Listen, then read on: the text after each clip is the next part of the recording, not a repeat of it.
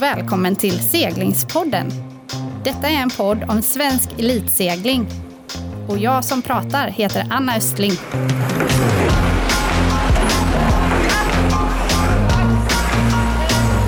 Seglingspodden presenteras i samarbete med Helly Hansen.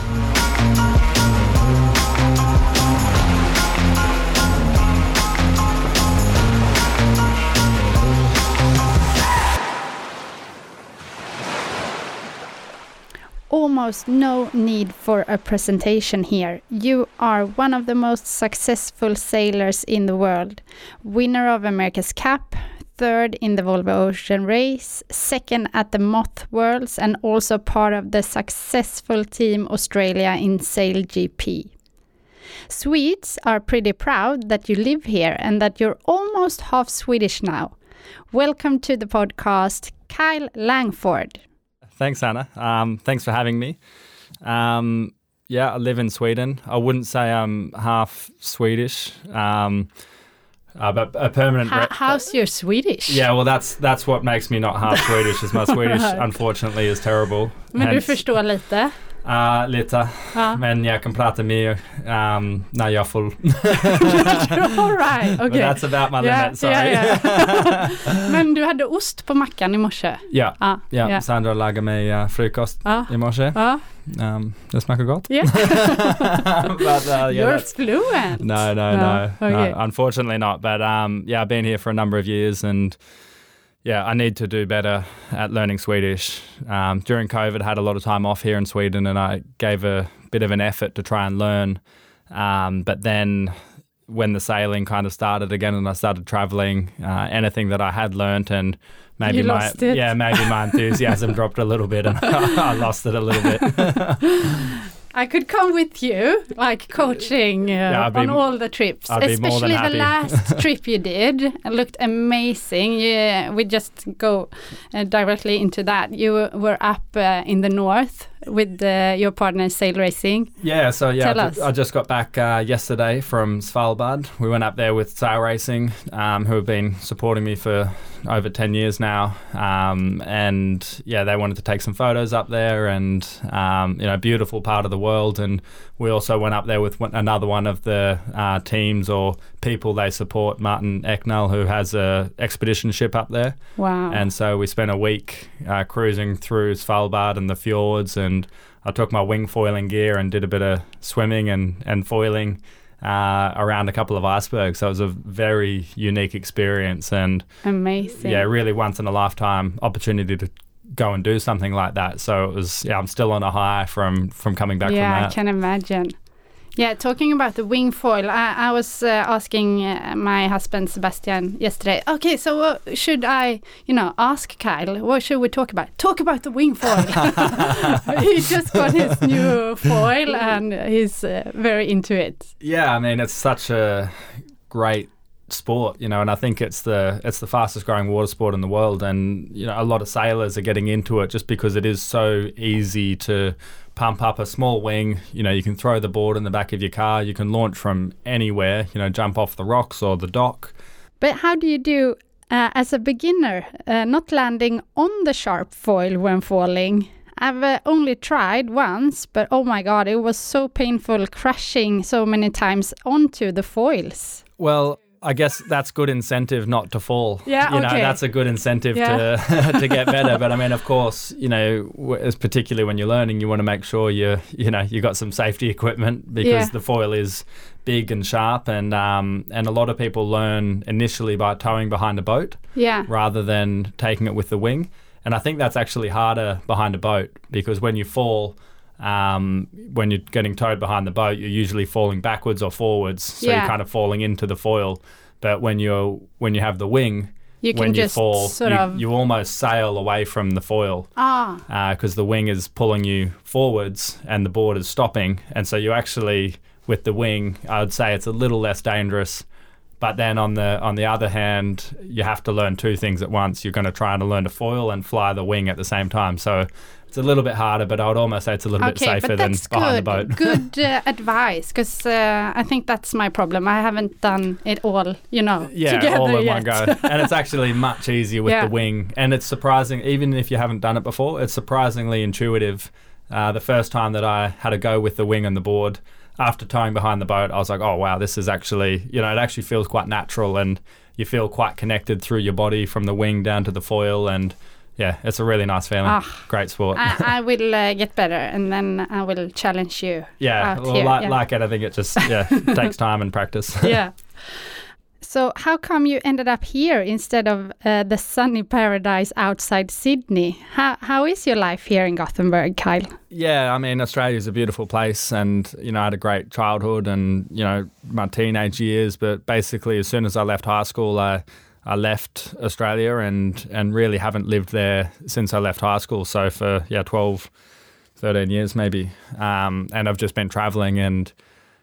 You know, if you're going to choose a location to to live, you know, the, all the professional sailing is in Europe. So for me, it's very advantageous to be here um, in Europe, and so you're quite easy to get to events. And if somebody needs somebody last minute, you're kind of on call and, and available. And I remember the first, you know, the first years you were here with your bag and you were Yeah, like yeah. living on different spots. So, yeah, like, okay, so where are you now? Ah, I'm in this uh, apartment. Okay, so where are you now? yeah, no, it's but you're improved since then. Yeah, now you have your. yeah. Now I've got a got a House. house and uh, and got some space, and Yeah. Oh, I can leave my bag somewhere. and, and actually, you know, as a sailor, it makes a big difference to be able to do that. You know, to um, have somewhere that's close to work essentially, and um, yeah, and be able to you know relax and have some space. So Of course. and also got a really good group of friends here and yeah so i actually really love living in sweden despite the weather and to be honest the weather doesn't worry me so much because You have a few days uh, when you're not here. yeah, Yeah. well yeah that makes up for a lot of it Yeah. um, i get to go to spain a lot Yeah. and, and the sunshine but also when i am here you know i want to go moth sailing or foiling Yeah. and usually when like there's the wind. yeah well, usually when there's wind there's rain and and vice versa so and when I'm doing those activities, I'm getting wet anyway. So yeah. Uh, yeah, that doesn't phase me at oh, all. that's good. And uh, one of the key, uh, key like things um, that sort of brought you here is, of course, Sandra. yeah, And uh, now you have Nico. yeah. Now I've got a little boy. Yeah. yeah. So I think like most people who come to Sweden, like you said, they don't come for the weather. They come for the the girls or the or the boys for a, a partner. And so yeah, I've met my girlfriend a number of years ago, and then um, yeah, we bought a house together at, uh, two years ago now in Gothenburg, and yeah, we're fully set up here. We've had a baby, and um, yeah, so life is life is good here. I'm so happy for you. uh, we we had a, a fun uh, time. Uh, must be, it's 10, 10 years ago, like when we were um, you were coaching us in the Elliotts. Maybe even longer. Yeah, yeah. Oh my God. Yeah. but I remember uh, one day in Miami, I think Marlin was sick, so you stepped in the boat, and I, I just, you know, you saw the wind. In, you saw it so easy. Uh, if, to me, it felt like you had some kind of magic glasses on. um, you're a professional sailor. You like, yeah, you you've done so much in a quite short time of period. But do you think you have like, do you have uh, kind of special glasses? I wish. no. no. do you think it's easy to uh, to you know do the tactics and do, do you know? Uh, Um, yeah, I think no. I mean, for sure, it's not easy, and uh, you know, if it was easy, everybody would be uh, would be doing it, I guess. And um, I think you know, for me, like as a kid, I wasn't the best sailor, um, and as a kid, I was also like quite a competitive swimmer.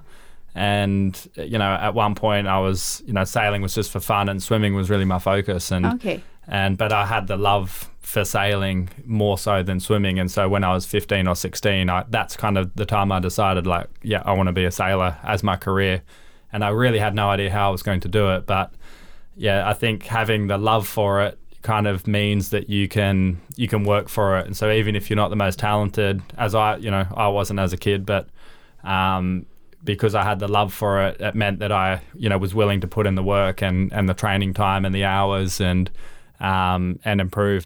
When you were young, did you know what possibilities sailing could bring into your future life? No, I, I mean I had no idea, and I mean I think when I was in uh, high school, probably my biggest drive for being a sailor was that I didn't have to go to school. That's a good, you know, drive. initially, and um, you know, because I love sailing, I didn't like school at all, and but my school was quite supportive for my sailing, and so they would say, you know, I was I lived two hours out of Sydney, and uh, three days a week, my mum would drive me to Sydney, so I'd leave school at midday, and I'd go training with the guy I was sailing with at the time in Sydney. And then uh, she would drive me back and I'd you know maybe sometimes do my homework in the car if I did it at all. But if I didn't you know the school were quite lenient in Yeah. uh, and you know giving me extensions on assignments Yeah. and everything. And so uh, no I for sure didn't know the possibilities and I think initially the Olympics was the the thing I wanted to do and um, yeah, and I, I just knew that I wanted to sail, but it wasn't really clear at a young age, you know, in what capacity and, and what form of sailing I wanted to do. But quite early on, you met up with the guys in the um, in the match racing team, Torvar and the the guys. How, how did you uh, meet? Um, I'd raced against Torvar in Australia and New Zealand. There's quite a good youth match racing circuit, and um, so there's the I think there's maybe five or six events, and I think they're under 25 or under 21 maybe. And so we would race against, and I was racing for a club in Sydney, and we would race against the guys from Perth, which is Torvar, and the guys I ended up coming to Europe with. And so we just raced against each other, and um, yeah, and then one day they just, you know, they're like, okay, we're going to Europe. Um, you know, you know, Who's on? yeah, do you want to come? And I was Yeah. like, oh yeah, you Yeah. know, I'm I'm on for sure. Yeah. So yeah, jumped at the opportunity, and and I think you know, with all things, you know, particularly in in bigger teams, is that it's more the the personalities and you know being easy to get on with and um, easy to work with. That's probably one of the the big attributes because if you are easy to work with and you're kind of coachable. Then you can improve. So not necessarily. Yeah, do you, don't have to be the best from the start. yeah, no. exactly. Yeah. You just have to have a good attitude, and um, and I think perhaps that's what they they saw in me that I was kind of pretty easygoing and and coachable, and I was the youngest by a couple of years, so for sure I was the least experienced, and I had the most to learn.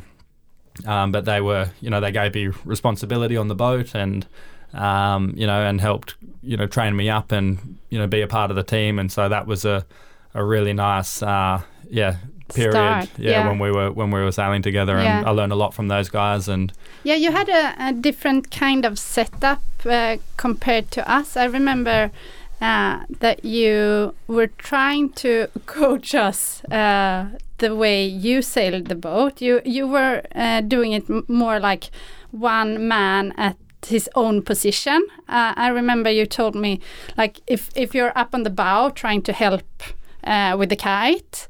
And if you're late back uh, uh, on your main sheet, uh, no one is there pulling that main sheet, Yeah. and then you're late. yeah, Uh, and we um, back then and actually now uh, we, we are more like you know we're um, sort of um, yeah helping each other a lot on Yeah. different positions but but uh, yeah I think you developed very fast and uh, you learned a lot uh, with with that kind of setup is that how you do it today as well Um, not so much, but certainly at that time, that's how we sailed. You know, everybody had a very specific role, and they wouldn't step out from that role. And so, if you were the, um, you know, if you were the bowman or you know you were the pitman, you know that was your role, and and you had full ownership of that. And you, if you were struggling with your job, nobody would stand in and, and help you. And I think it was good in a way because it would really highlight any weaknesses and we were very analytical and self-critical of ourselves. So whenever we made a mistake, because we were so specific in our roles and very uh, structured, it was really easy to point out where the error had occurred in a maneuver or tactically, and then we could really analyze how to, you know, prevent that from happening again.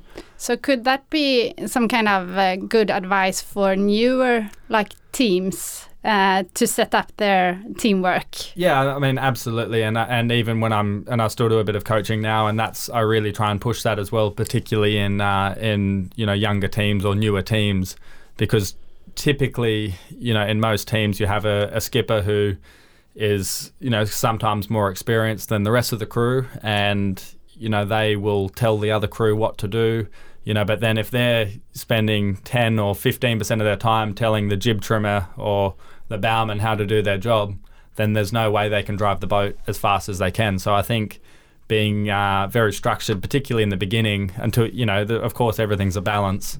But I think if you can be very strict in, you know, everybody sticking to their roles. It was hard for you to to coach the old ladies in that kind of. Oh yeah, I mean that was tough. but you did your best. No, no, no. It was a, it was a lot of fun. yeah, we had fun. Uh, so, but uh, talking about that, and then like when you're racing today, if you're in a new team, how how uh, has it changed? Is it more like you're uh, yeah, stepping in and helping out, or is it is yeah, it like that today? Well, I think every team is is different and unique, and um, with the Sail GP, for example, our team we've been sailing together for almost ten years. You know, we're a really tight tight team, and so we know each other so well. You know, as friends and also professionally as well. So we know how to kind of interact with each other to get the best out of each other, and yeah. um, there's not so much covering for somebody. You know, and particularly on that type of boat, everybody has a very Yeah. specific role, and yeah, it's not like you know the jib's not trimmed on and you can go and help. No, you no. know, okay, you, yeah, you know. So I think um, there's maybe a little less covering that goes on, and maybe that's a bit more specific. But if I was to go and join a new team, and um, which I am in a couple of weeks, or actually next week, I'm going to Chicago for a TP52 event. And it's a team that I haven't sailed before, and, and typically my approach when I jump on with a new team is I'm I'm trimming the mainsail, so that's my primary responsibility. But then I'll kind of spend a couple of days trying to figure out the dynamic of the team and, and how that team operates, and then if I feel like I can make a contribution, then I'll I'll suggest it. And um, you know, I'll never do it on the first day because you know nobody likes somebody who comes on and just says, "Okay, this is how we do it." Bang, bang, bang. You know, so I think it's always it's important to spend a couple of days um, or a bit of a period of time to understand the dynamic of the team and then how you can contribute best. And so that's my approach with new teams is to lay low for a, a little period, figure out how I can help the team and, and the boat. And sometimes I don't need to do anything and, and everything's working well. And uh, if it's not, you know, I'm, I'm more than comfortable to kind of put my hand up and, and say, hey guys, you know, what about we try this or, you know, I can do this at this point and, and which may help the team out. So, um, I'd, you know, I'd say that's a good bit of advice as well, is to never Yeah. never be afraid to talk up. No, Um, but are you are you going there as the main trimmer uh, or as the main trimmer and sort of a coach with your experience? Are are people you know thinking that you are also there to you know help help the Uh, team to Yeah, I mean, I think it depends on on the team. There's some teams which are, are full uh, professional teams, and so you're not so much in a coaching role. But if there's a, a team that I'm sailing with who have got a mix of pro- professionals and amateurs, or maybe it's some young professionals who are starting out who, you know, maybe are lacking a bit of experience, I'm, um, yeah, for sure happy to give some coaching with those guys. And, and I think the dynamic of, of a lot of these teams is everybody's there because they want to win Yeah. and they want to improve. yeah? So And they want to hear Yeah, so they want Yeah, to hear, yeah. you know, people's opinions, and and you know the people on the team are there for a reason, um, and they're there to be to be heard, I guess. And so you know, uh, we do a lot of debriefing uh, in you know every single team that I sail with. You know, we're always debriefing very specific things and, and trying to get better, and and that's the I guess that collaboration between the team and the debrief is where you make really big improvements. Yeah, and I also think that uh, yeah, to just you know uh, wrap it up to the advice if you're new in a boat to be a little bit more you know relaxed and do your thing really good, but then maybe not you know step into the other. um Yeah, teammates uh, the first day that was a really good thing i think Yeah, uh, um, yeah yeah, absolutely. I think you know you want to you want to make sure, and particularly if you're joining a new team, you want to create a good impression. yeah And if you're there for uh, trimming the mainsail or being the bowman, you need to be the best bowman or um, best mainsail trimmer, you know, that they've ever seen. So, Yeah. you know, Is that how you feel? Like, you- do you always have to, you know, uh, show show the best sort of? Of course, you want to do your best, but uh, do you have the pressure on your shoulders? Uh, I mean, no, I don't, but I, I do always want to do my best. And, um, you know, it is a job as well. Like I'm being paid to be there. And so I do need to perform at a higher level um, and, and perform at my best. And for sure, I've got a lot to learn from other people as well. So it's not just me, you know, helping other people. Other people are helping me as well. And I'm trying to learn things from their experiences and, and their skills, which makes me a better sailor as well. So I think, um, yeah, no, I think it's a it's a it can be a bit of a mix, but for sure I'm doing a lot of learning at the at the same time as well. Mm, that's amazing with this type of sport. It's a lifetime sport. You you never get, you know, you're you're not done and you're not uh, fully fully. le- yeah, I mean, there's. th- I remember when I kind of first started sailing, um, you know, some bigger boats, and I was thinking, I was like, oh, geez, this guy's not very good. Like, and at the time I was racing dinghies as well. I was like, I bet, you know, you put him in a in a laser, he would be terrible. But then after, I guess, after a while, I realized, okay, maybe his pure sailing skill is not the reason why he's there. Maybe he's good at rigging or a boat builder or an engineer, and he's good with the mechanics and the engine, and and so I think there's you know a lot of paths into professional sailing which are not just being a really good racing sailor. There's a lot of other things that are important to running a race boat and you know racing a race boat at a high level other than just being a really high level sailor. So I think there's a lot of a lot of ways to to get into it and then also as a young sailor uh, you got to realize that everyone is there for a reason and that you can learn even if they're not a very you know high level sailor maybe they wouldn't be great in a dinghy but they're there because they're very good at you know engineering or uh, Sail boat, yeah, yeah. sail maker, boat building, or Yeah. whatever it is. You know, so there's a lot of a lot of things that can contribute to somebody adding value to the boat. Yeah. Uh, for us, it was very clear back in the days that you and your team had clear goals. And uh, looking back on your career, you have done so many different kind of sailing in different kind of teams. And for me, uh, setting goals has always been something I've done with the team. Uh, what about you as an individual sailor um, in the professional world? Have you always been good at uh, setting your own goals? Yeah, Uh, I mean, I think no.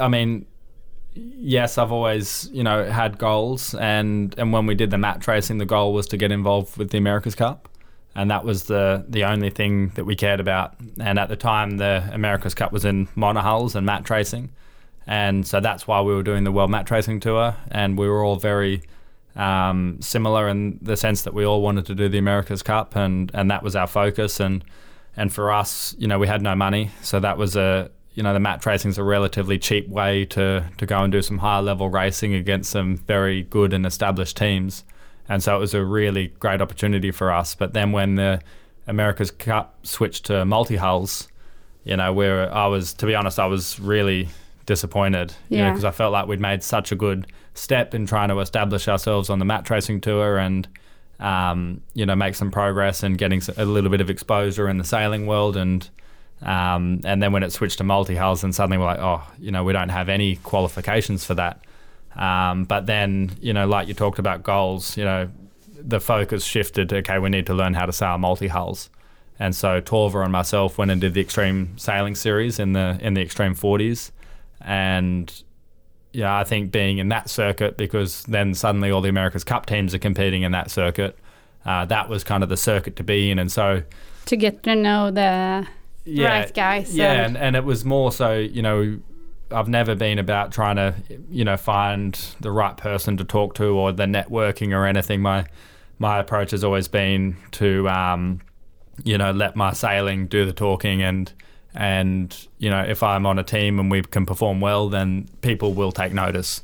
And then also if you you know if you do get the opportunity to to meet you know people, regardless of whether they're a high level sailor or a low level sailor, you know you treat them the same way. And um, you know and I think that's becomes really transparent when you when you meet people. You know are they meeting you just because they want a connection or you know are they genuinely uh, a good person and so I think that's the yeah those two things you know trying to focus or find a pathway to to what I wanted to do which was the uh, the America's Cup and so then the focus shift to multi hulls and then just trying to be um, a nice person.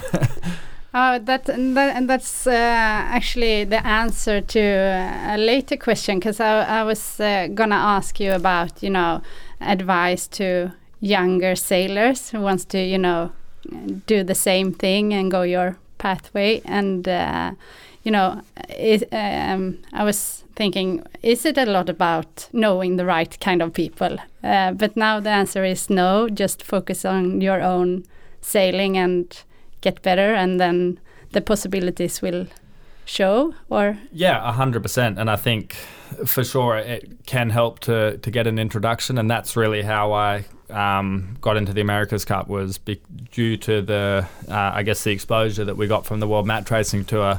Um, jimmy spithill I think he went on our website, which was a probably professional a te- website. Yeah, very, and yeah, very professional website, I'm sure.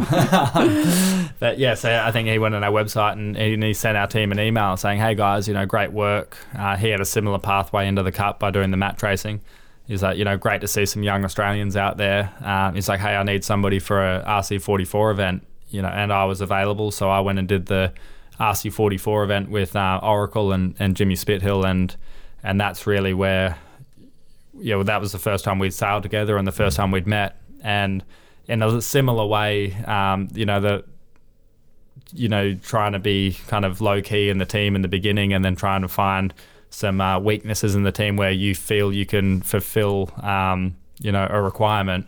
I was uh, I was pretty quiet in the first couple of days sailing, and then we were doing some match racing in the 44s at the time, and and I was thinking, oh Jesus, you know, we're so structured in our match racing and our communication. This feels a bit loose, so I.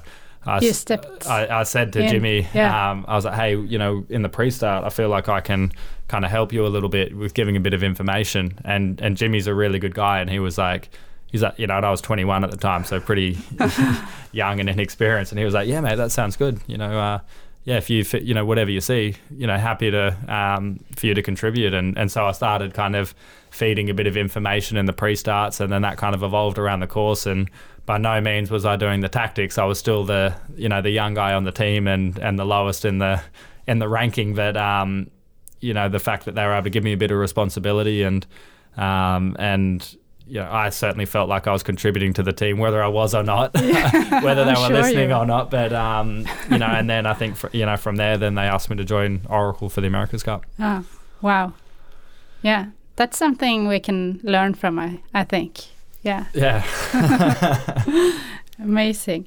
Uh, so um, talking about the America's Cup, that was uh, I, I remember we we were in Weymouth and you you got that. Uh, maybe yeah i think you got a call uh, when you were coaching us.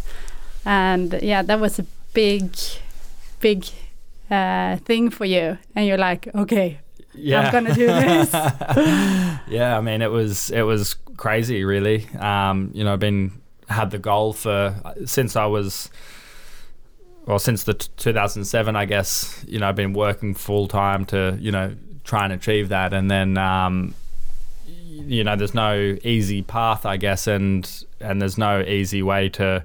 Um, there's no clear pathway into how to get into the America's Cup, and for sure, I was very lucky that um, you know that Jimmy Spithill gave me the opportunity to sail the RC44 with them, and then you know try and pr- pr- you know prove my value, and um, and then from there, yeah, got the got the offer to to join them, and yeah, whilst I was, you know, coaching you guys and, yeah. and doing a lot of match racing in the extreme sailing series and, mm. and just trying to sail as much as I could basically to to, to get better. Yeah. And um, yeah, I remember the first time I turned up in San Francisco with Oracle and there's just I think the team had 120 people in it and I was used to I remember my first impression was you know, we finished the first day of work and I had no idea about anything.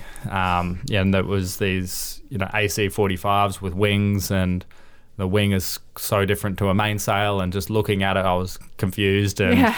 Um, but Is this my responsibility? yeah, well, and actually at the time, um, that wasn't my responsibility. Oh, okay. I, I got signed up as a member of the sailing team, okay. And I was a bit concerned by that because I didn't want to become a grinder No, or a bowman, and so I was kind of saying, I need to learn the wing. Yeah, well, I, was- I was saying to Jimmy, I was like, "Hey, mate, you know what? What are you thinking for my role?" And he's like, "Oh, mate, we just need good sailors who can kind of cover any area, and um, we'll see how you fit in, kind of, you know, where to put you, kind of thing." And um, yeah, my first day sailing, I was the bowman, which on those boats was really, really physical, and I did a terrible job. And so then the next day, it's almost like they By cro- purpose. well, no, and I, honestly, I was trying my hardest, you know, Yeah. but I just wasn't cut out for it. And um, so it's almost like they crossed that off the list, like not All a bowman. And then Yeah. the next day I was on the runners, and I did the runners for a while, and um, and yeah, we are doing two boat testing, and then you know a couple of weeks later they're like, oh, maybe you know we'll give you a go on the wing. And uh, and then that's where I wanted Felt- to be, and Felt like home. yeah, and, Yeah. It, and it felt comfortable. And Yeah. despite it being new technology and uh, you know completely different looking to a mainsail, it, it felt quite natural. And so I was very relieved when they suggested that that Yeah. you know was to be my position. yeah amazing and uh, how, how uh, just uh, jumping back to when you you said um, when they uh, uh, changed from the monohulls to the multihulls and you felt like shit i don't know anything about this. But wasn't that the same for everybody? Yeah, I, I guess more it- or less? Yeah, I think it just felt like we had done a lot of work to get to the point where we were, and it almost felt like that work was worthless, you know, Okay, and that yeah. it was everybody was having to reset and to, to retrain and, and to upskill at a new class. And so, you know, it felt like we were so close to getting there through the match racing um, pathway. But then when the when the boat changed, it was like, oh, okay, now we're back to square one and we're starting over again. You know where we were a couple of years ago, which is fine because you know we you know our team we felt we had the confidence that we could you know go to any type of boat, and I think that was um, you know just being young and naive and you know we thought we were better than we were for sure. yeah But you know we Oh, no. you know we You we, were good, we but you- yeah but not as good as we thought. but with that uh, uh, thinking about the square one i guess that's something uh, that you sort of learn uh, through your years in sailing that you always get there like you Yeah. okay then you ended up with a wing yeah. it was not the mainsail so maybe you know you you actually learned a lot by uh, being forced into new uh, things then Yeah, you can and and I think adapt better today Yeah, hundred percent. And I think, and I think actually the match racing really taught us that a lot. You know, to adapt because every event you go to, you're racing a different type of boat. You know, you get one training day if you're lucky, and you know, or a couple of hours, and you've got to figure out how do we make this boat go fast? How do we do all the maneuvers? How do we do the boat handling? And so I think it kind of teaches you to adapt quickly. And if you don't adapt, then you you're going to come last. Yeah. And so um, yeah, we as a team we were we- I think we were quite good at adapting to new boats and then and now the way I look at it is we've done so much learning of new things and new technology that you know and I love learning new things now like I really enjoy it and I think the more learning you do and the more you refine your process of learning the quicker you can adapt to new things so I think what we became good at at a young age uh, was the process of learning and, and being analytical to um, to make you know positive changes to to get better at sailing the, each individual boat and equipment, uh, and then that's helped me throughout my career. Yeah, that's cool. And so so now when you're like old and wise, you yeah, you see all the good stuff with uh, with learning. Yeah, that's great.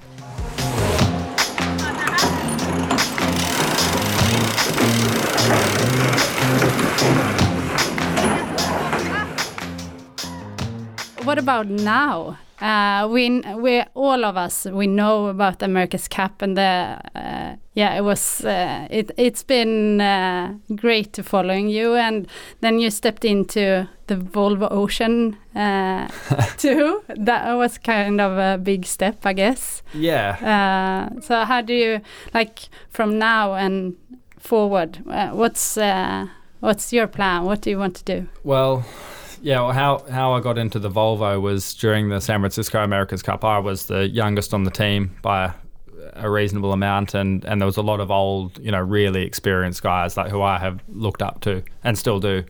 And they were always like, "Oh, the America's Cup is so easy," you know, like, uh, you know, you get to sleep in your own bed, you know, they're like, you know, you need to toughen up, young guy, kind of thing, and were giving me a hard time about how I hadn't done any offshore or ocean racing, and they're like, you need to go offshore and you know, become a man. Yeah. you know, kind of, that you know, they're like this America's Cup. It's too easy. You Yeah. know, you sit around drinking coffee all day. Yeah. And, you know, you stay Nice in a nice hotel yeah, bed. yeah, exactly. And they're like, you need That's to go not and the real stuff. yeah, they're like, you need to go and toughen up. Yeah. And so, and I had no ambition of doing that No. until the Bermuda America's Cup when we lost, and I was like absolutely devastated that we lost, and I invested, you know, a lot of my like, everything I had into that campaign, and um, you know, and I look back at it now, and maybe my work to life balance wasn't great because I was just so into it.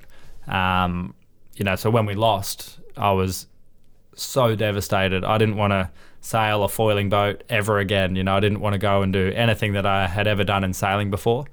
Um, I wanted to just go and do something completely different. And the yeah, the only thing I came up with was the um, was the Volvo. And so the day I flew out, and I left Bermuda two days after the America's Cup because I just wanted to get out of there and um, and kind of reset. And so then I emailed Bouwe Bekking, and I I just heard a rumor that he was putting a team together, and I was like, hey mate. You know, as I was on the plane leaving, I was just typing the email on my phone. I said, "Hey, mate, I heard you're putting a team together. Um, you know, I'm interested if you if you want." And by the time I landed in in Europe, I had a reply saying, "Yeah, mate, you know, Wow. come come to Portugal next week. You're on." yeah.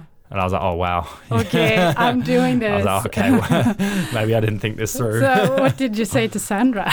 yeah, well, I, yeah, a couple of days off. I was like, "So, I gotta go sail around the world for a year." so, how was that?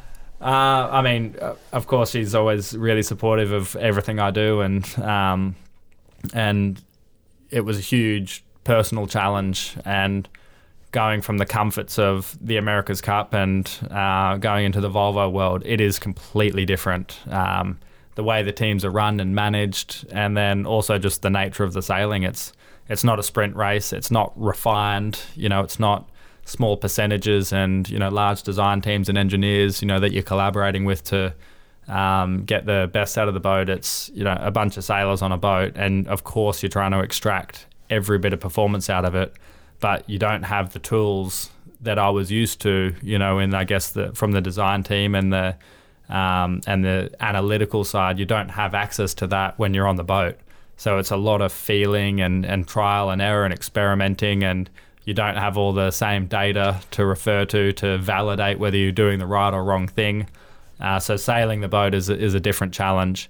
But then probably the thing I struggled with the most was just living and managing myself on a boat for three weeks at a time. yeah, And the mental part of it. yeah, and that was that was really the toughest thing is just the mental thing. And physically, uh, I didn't think it was so difficult. Maybe this was uh, what the the old wise men were referring to. Yeah, a hundred percent. You Yeah. know, and I, I couldn't. You know, now that I've done it, I, I agree. You Yeah. know, I was I was soft. so you're and, happy you did it. yeah, yeah, Yeah. It was a it was a huge learning experience, and I was Mm. yeah really happy that I did it, and I learned a lot. You know, as a professional, but also as a person, and uh, you know, you get faced with different difficult circumstances in any part of life, and I think being out there, you know, against the elements and where things are out of your control, and and how you um, carry yourself and and manage yourself in those situations are relevant to all things in life, and so it was a it was a really good Were, opportunity. were you ever scared?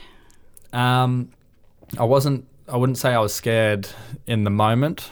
For sure, there was maybe a bit of anxiety in some situations, but whenever and it, and really any type of my sailing, um, when you're doing 50 knots on an F50 in you know San Francisco Bay in 25 knots, or you know in the Southern Ocean with 65 knots of wind and 15 meter waves, um, whenever it is a stressful situation or dangerous situation, I think that, uh, or personally, I just get ultra focused Yeah. and spend 100% of my time on doing my job correctly and not letting, you know, Any errors? yeah, any Yeah. errors. And if something does happen, you know, kind of going through the situations of how you would react and, And so I would say when you're that focused, you don't allow yourself to be scared. No. But for sure, there were moments when I was very relieved, you know, to get off the helm or to get down below and, you know, sit down. I was like, wow, that was, you know, And after leg maybe. yeah, and yeah. So I think you know once once the moment's passed, then that's when you're like, well, that was that was full on. But I think in the moment, I, I was never scared or overwhelmed. But um, yeah, certainly afterwards, I was very relieved and aware that it was a dangerous situation and that we were, you know, we managed to get through it. Is that something that uh, you know applies for all uh, teammates on board? You know, getting into this focus or Yeah. yeah, Yeah, I think so. And I think that, um, you know, during the Volvo, we had a team psychologist. And when she joined, I was so skeptical. You know, I was thinking, oh, we don't need this, you know, it's fine kind of thing. And, but then with having her on board, she was able to kind of assess the different personalities and behaviors of each team or team member yeah, and kind of get us to collaborate in a better way and um, and probably you know we all deep down we knew okay maybe this guy isn't so much of a leader and he's a bit more reserved in a stressful situation and and so deep down you everybody knows but to but- be able to talk about it. but yeah, Yeah. to be able to talk about it in an open forum Yeah. was the absolute That's- game changer of yeah. our of our race and halfway around the world we were in last place and um, you know then we had that conversation and then we went on and won I think five or Wow. five of the next six legs. So it Yeah. was you know just having that conversation was enough to um, you know really turn things around. And so I think you know talking about and it, and it, it wasn't talking about your feelings. It was talking it was all performance orientated. Yeah, um, but it was like okay so you know in this situation you know this is the person we're going to turn to. We're not Yeah. going to turn to this guy or this you know girl because even if they have that as their role we know that their natural instinct in that situation is to kind of back down and Yeah. you know and we need to let them actually being able to do that. exactly Yeah, so yeah. yeah. that was a that was a huge change Wow. and Yeah. uh, yeah it was it was really interesting and particularly because i was so skeptical about um, getting a psychologist involved to begin with now i'm her biggest fan Yeah. our psychologist and i've you know recommended to every team that i join yeah this is the person you need if you want to succeed yeah, need to meet up with her. I've always been, you know, very into the mental part of it and uh, mental training, but you haven't. no not at No. all no i've always thought you know just go out there and just do it Yeah, you know don't yeah but now I, for sure i am like now i think it's it's really important and uh, maybe it's just because i was young and immature that i wasn't you know didn't respect it or didn't um, you know think it was important but now i uh, yeah i've gone full circle and i'm i'm into it yeah, good. uh, all right, so. Um, if you, if you, I, I don't know if it's possible to like rank your achievements so far. What, what's the best uh, part of your sailing career? Oh, I mean, that's that's tough. Um, I think you know, of course, the America's Cup in San Francisco um, was a was a big one. You know, to win that event. Um, but also, I was a very junior member of the team at the time, so I wasn't. Of course, I was uh, in all of the design meetings, and you know, but I was almost you know just a fly on the wall, just kind of sitting back and, and learning from these Yeah. really um, great sailors. And then the Bermuda America's Cup, you know, then I took on a, a much larger role um, within the team, and so to to not win was Was it? Yeah, maybe that was uh, why it hurt so yeah so bad. yeah, and you know because I had to step up, and Yeah. and even even though I was relatively inexperienced, um, you know, I learned a lot that campaign, and uh, yeah, so then that really hurt when we lost, but. I think probably the most recent thing that I'm most proud of is the moth sailing. Yeah, Um, yeah, it's amazing. It's so impressive. Like you, you, as we said in the start, you you uh, won the silver in 2019, Yeah. and then uh, it's been COVID or what? Yeah, we had a, a world championship at the end of la- of the end of 21, and I was uh, fourth, which It's was impressive. yeah. But I think all the best sailors are are in the class, right?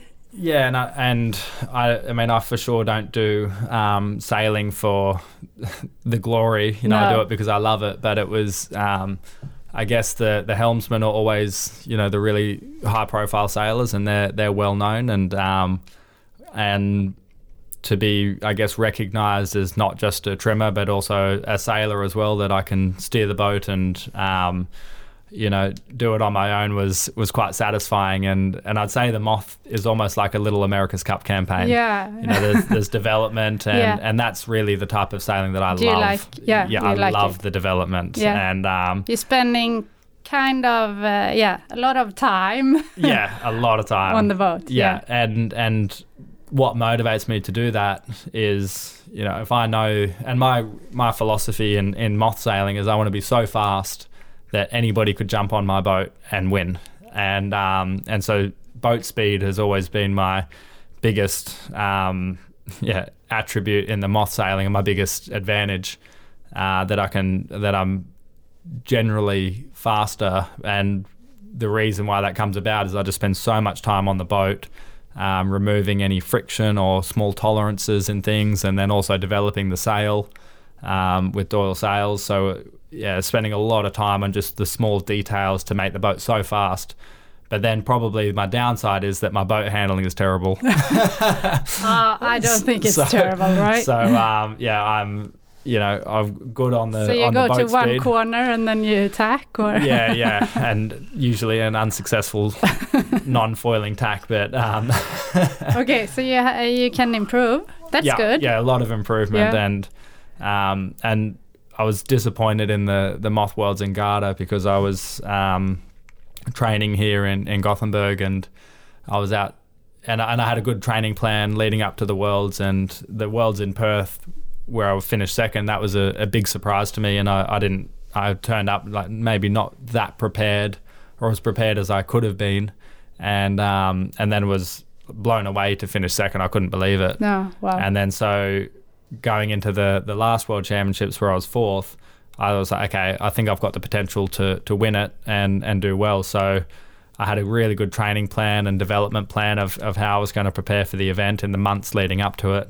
But then I was out sailing off Långedrag and I uh, I ran in, I ran aground Oh, doing, no. doing doing 20 knots and my boat was a complete write off and, and unusable. So I had to buy a new boat Oh, and, and get it shipped up and that kind of ruined my yeah, I mean, but then you have this. Uh, that goal is still. Uh, yeah. So that's that's still there, and um, you know, for sure, that's not an excuse as to as to why I didn't win. Um, you know, the other guys are really really good, um, but you know, my my next moth event, I will do it hundred percent, and I'm going to dedicate a lot of time to it, and and make sure that I give myself the best opportunity to do well. uh, great. We will follow. We will follow. Uh, so is is that your uh, f- uh, future uh, uh, campaign, or or have you signed any interesting uh, teams? What's your plan? Well, yeah, plan for the future is, um, yeah, I think the Sail GP is growing a lot in um, commercially, but also in its fan base as well, which is which is great because currently a lot of the sailing I do is with uh, with owners, and you're kind of really at the mercy of the owner to remain interested in sailing, you know. And if they wake up one morning and decide Go skiing instead. yeah, maybe I'll go skiing this week instead of going racing and Yeah, wherever. And and then you know then that suddenly you know that team is is done. And so the great thing about the Sail GP is that it's a commercially funded um, racing series. And so, you know, I think that's got a lot of potential, and the fact that a lot of people are seem to be very engaged with it, and and I've got a lot of non-sailing friends who actually watch it, who Yeah. still, you know, maybe they still don't understand it that well, um, but you know, they're they're still interested and they think the boats are cool, and and so for sure that's something that I'll uh, be doing for the. The, as long as they'll, the team will continue to have me on board. Um, that's really the goal, and uh, Will that lead up to another America's Cup in Barcelona, or? Uh, un- unfortunately, not. Um, the nationality rules for the America's Cup now are quite strict, and so unless you have a passport for the country that you're competing for, uh, you cannot compete. And so for me now, being an, I only hold an Australian passport, and there's no Australian team. So Mm. for now, um, it's impossible for me to race in the America's Cup because I just don't have the I don't No. have the passport to compete No. for that country. So that's quite disappointing that they've really limited the um, you know the the competition that other teams can have because of course Team New Zealand are are happy with their team and they'll they'll keep that the same. But um, they're really limiting the other teams as to who they could potentially hire, and uh, and it really affects me um, a lot. So yeah, I'm I'm a bit disappointed about that, and of course I'd love to do the America's Cup again. Um, but I'm just Yeah, going so to the have to. feelings after Bermuda, they'll sort of Yeah, you, they- you left them on the ocean with the yeah, when- Ocean. yeah. After spending Yeah. nine months racing around the world, I was like, "Oh, that life was pretty good. Uh, maybe I, that would be good to do again." So, Yeah. um, yeah, we'll see how things uh, yeah, develop. so yeah, so certainly not for the next couple of years. I, I don't, I won't have the opportunity just by the rules uh, to participate. But yeah, ho- who knows what will happen in the future? And and also having said that, there's a lot of other you know really fun sailing out there to do, which is challenging and um, and areas of the sport that I haven't done before that I you know have a lot to learn. So yeah, I think there's whilst you know I'd love to do it, there's a lot of other fun challenges out there to kind of keep me busy. Yeah, wow. Yeah, you will for sure be um, on the water. Uh, Yep. Yep. Svalbard or wherever. Yeah, yeah, so if if we uh, if we talk to the younger guys and girls here in Sweden, and if they want to, you know, follow your steps, um, can you can you give them some advice? We we have the same problem. Uh, as you have now, we we don't have a like Swedish uh, America's Cup team Yeah. to look up to, or like yeah. So, so how how do you become a professional sailor? Is that something you can apply for? yeah. I mean, it's it's not so straightforward, and I think you know, as we touched on earlier, the the most important thing is your attitude and your personality, or not your personality, um, but your behaviors. Because you can re- you can train your behaviors. You know, if Yeah. you're lazy, you can. if you have the mindset, you can Yeah. become you know really productive and active. So. Yeah, I think it's your, your attitude and, and your behavior and how you interact with others is is the most important. Um, of course, sailing skill is important, so you need to be training as much as you can, and and learning from as many people, you know, who have more experience in any part of the sport. You know, trying to extract information out of them, and and I think um, you know you you do have to spend a lot of time sailing on boats which are maybe not as cool as as you were hoping or as you were you know maybe you want to do the TP52 Super Series you know that's the highest level but to do that you need to go racing on a Beneteau you know cruising boat on the on the weekends to um, you know that's a pathway to get there and yeah.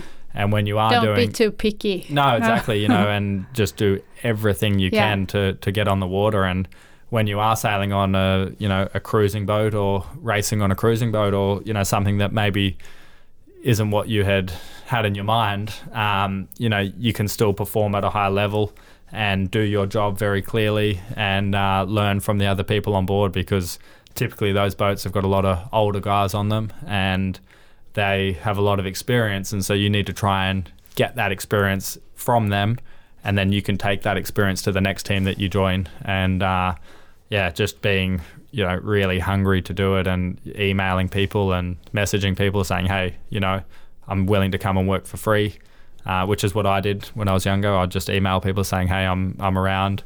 Um, will you take me for free? Um, and i'll help out you know packing the sandwiches or whatever. And that adds value to a team. And so um, yeah start off by just trying to do as much as you can and ask as many people and the opportunity if you are determined it may Dedicated, take yeah, yeah. it may take a year or maybe two but if you are that hungry and, and motivated to do it the time will come Mm. and it's almost the way i look at it i didn't go to university but those years i spent sailing for free was almost my university education you know it was the same amount of time in, Yeah. in years Yeah. and it feels like a long time but at, you know when you're doing it but you know you do need to If you, build if up you that know experience why you're doing it. yeah exactly if It's- you've if you've got that goal that you want to graduate or you know Yeah. move into the professional sailing scene you do need to invest that time um, learning and and doing as much sailing as you can Mm. You're racing uh, on the Sail GP with um, Nina Curtis. Uh, she was in the um, Elliotts Yep. back in the days. Uh, how, how is the um, how is the development for the women in the in the sport now? Yeah, well, I actually, um, I've known Nina a long time since I was maybe 15, and she's a she's a great sailor, and um, I actually got her on board Team Brunel for the Volvo Ocean Race for the second half of the race as well. And really, and she'd never been offshore before, much like myself at the start of the race. And so she couldn't really contribute to the team in a um, performance sense because she had no experience. And especially because it was coming ha- in half halfway around the yeah. world, and the team was already quite, you know, refined in a sense. And the value that she brought to the team was being a good person, and oh. that's that's really the and that was so important as well. She would always boost morale. She would never complain. She was always happy, and that actually improved the performance of the team because we just had such a relaxed person on board. Um, you know, and so that was you know so good to have her on there. And then of course she's with with us with the Sail GP, and um, you know after doing the Volvo and and she's living back in Sydney now as well, doing some plenty of sailing in Australia and and with the Sail GP, of course, she has a lot to learn because I guess our team we're very we've been very fortunate that we've been racing these boats since the they started Start, foiling. Yeah.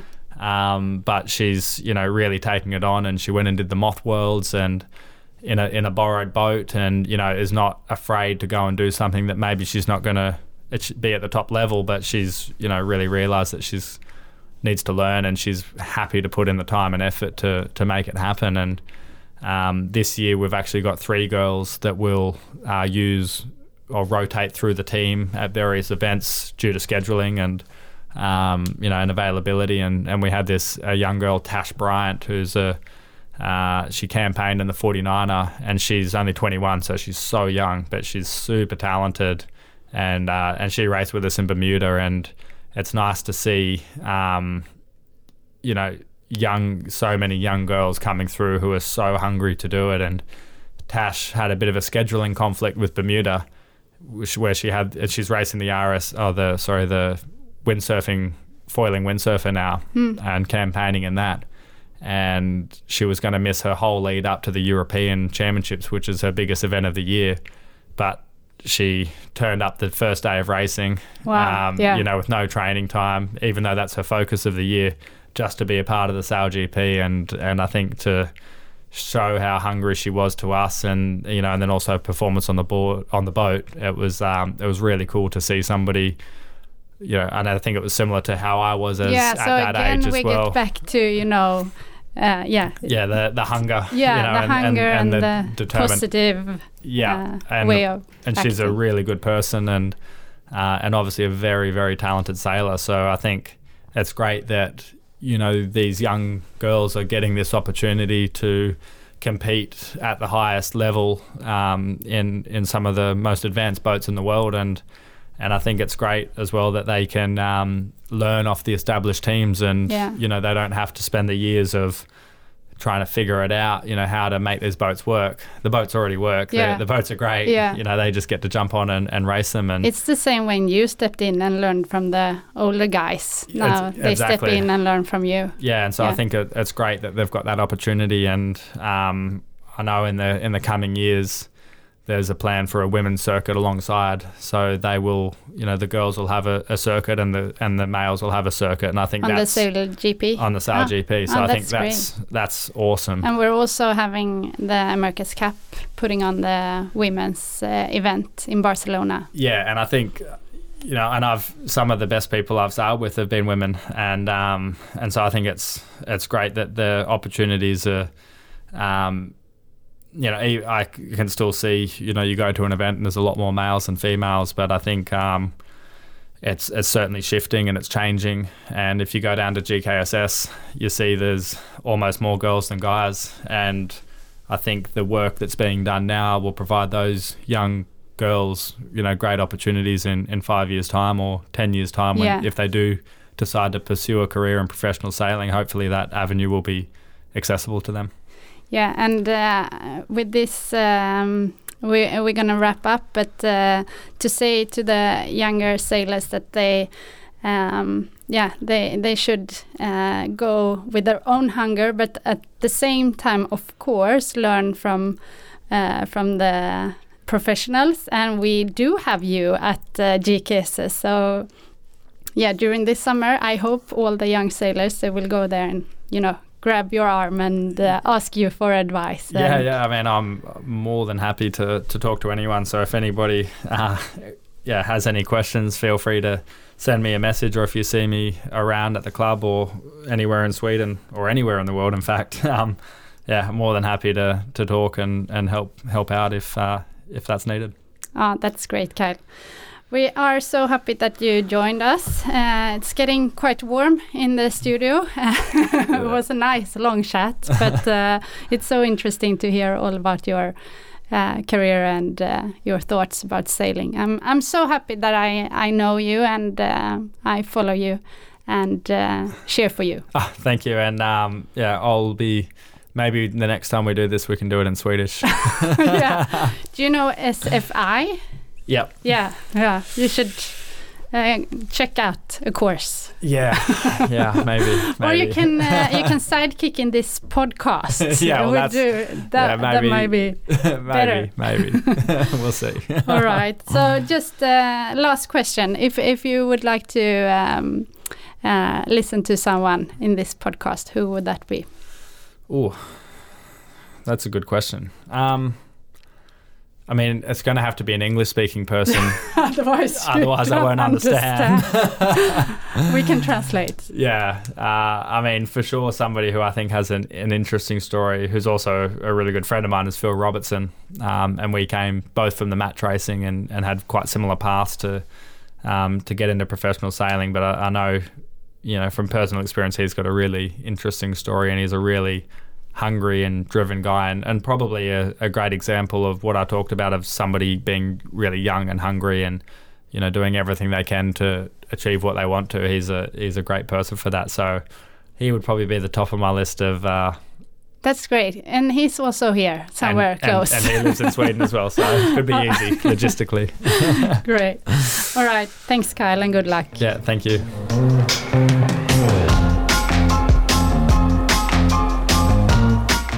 För att du har lyssnat. Vilket eh, sjukt inspirerande snack det blev. Eh, och att vi bjuder hit Phil Robertson är ju självklart. Jag vill också passa på och tipsa alla seglingsintresserade att eh, kika in Kyles nya projekt som heter Seagull Sails. Det började med en symaskin som skulle till tippen och är nu på väg att bli ett känt varumärke i seglarvärlden. Så jag tror också att vi har alla anledning att göra ett poddstudiobesök på Seagull loftet här ute i Göteborg inom kort. Ha det fint allihopa så hörs vi igen om två veckor.